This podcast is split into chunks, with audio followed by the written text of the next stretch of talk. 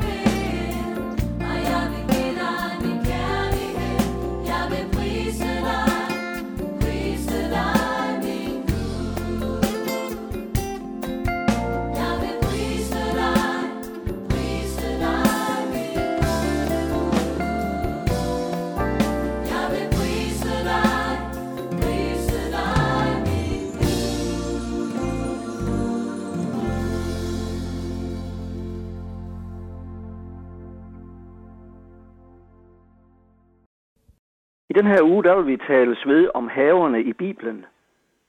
Og de mest kendte haver i Bibelen, det er nok Paradisets have og Gethsemane have. Men der er nævnt også andre haver i Bibelen. Og hver gang vi hører om en have i Bibelen, så har det faktisk med Gud og os at gøre. Ja, så har det med Gud og dig at gøre. Så derfor lad os prøve at gå på havevandring. Den første have, vi skal høre om, det er min egen. Jeg bor i Rønte, i et ganske almindeligt hus med have. Når jeg om sommeren går en tur i min have, der ser jeg ikke mindst på roserne. Hvor er de smukke. De er så forskellige, forskellige farver og dufte og størrelser. Men der er noget, som ikke er forskellige. De har alle torne, som jeg ofte har revet mig på. Rosen er som livet, Gud har givet os. Det er på mange måder et smukt og godt liv, fyldt af forskellige farver, forskellige muligheder og opgaver. Et liv sammen med så mange andre forskellige mennesker. Der er så meget, der kan berige vores liv. Og som rosen kan bringe glæde og forundring ind til os, så kan livet det også. Vi kan glædes over det, og have det så godt, som vi nu har det, over de muligheder, som gives os. Vi kan glædes over at høre Gud til, fordi vi er døbt og tror på ham. Jeg kender jo ikke dig, og jeg ved ikke, om du kan gøre det. Men hvad med tornene? er der i overført betydning torne på dit liv og det liv, du har fået. Altså noget, du kan rive dig på, og som bringer smerte og sår ind i din tilværelse. Sådan tror jeg, det er for mange. Som der er tårne på roserne, er der modgang og smerte forbundet med det at være menneske. En forfatter skriver det med henblik på livet. Tak for roserne, de rige. Tak for tårnene på dem. Sangen hedder Tak for hvad du også har undet. Hvad kan få et menneske til at takke for tornene? Det kan alene erfaringen af, hvad tornene har betydet for ens liv. Og her er der ikke tale om, at mennesker går og glæder sig over, at det gør ondt i livet. Men der er tale om, at der er mennesker, som gennem modgang og smerte er blevet afhængige af Gud. Og at modgangen og smerten til stadighed er med til at holde dem nær til Gud. Jeg gør deres afhængighed af hans nåde og omsorg større og til en fast bestanddel i livet. Jesus siger i Matteus evangeliet kapitel 11, vers 28, Kom til mig, alle I, som slider jer trætte og bærer tunge byrder, og jeg vil give jer hvile. Oplever du livet som en rose med tårne, så kom til ham, som gav dig livet, som gav dig tårnene, eller tillod, at de stak dig ind i dit liv. Når jeg går i min have, er der bestemt andre ting at se på end roser. En ganske bestemt plante ser jeg ofte efter. Det er en ukrudtsplante, som hedder skvallerkål. Den har fine grønne blade, og så har den underjordiske rødder.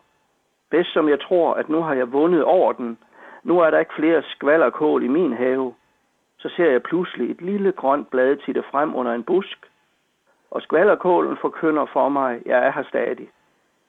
Sådan er det år for år i min have.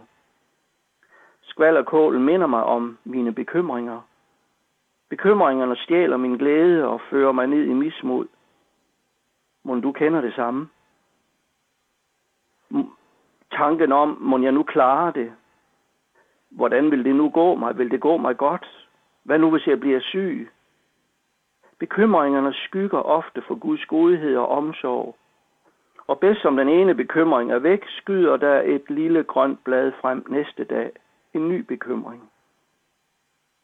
Derfor står der i Bibelen, kast al jeres bekymring på ham, for han har omsorg for jer.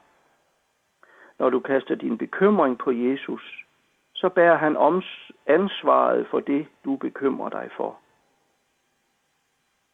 I dag var det min have. I morgen, så skal vi se ind i paradisets have.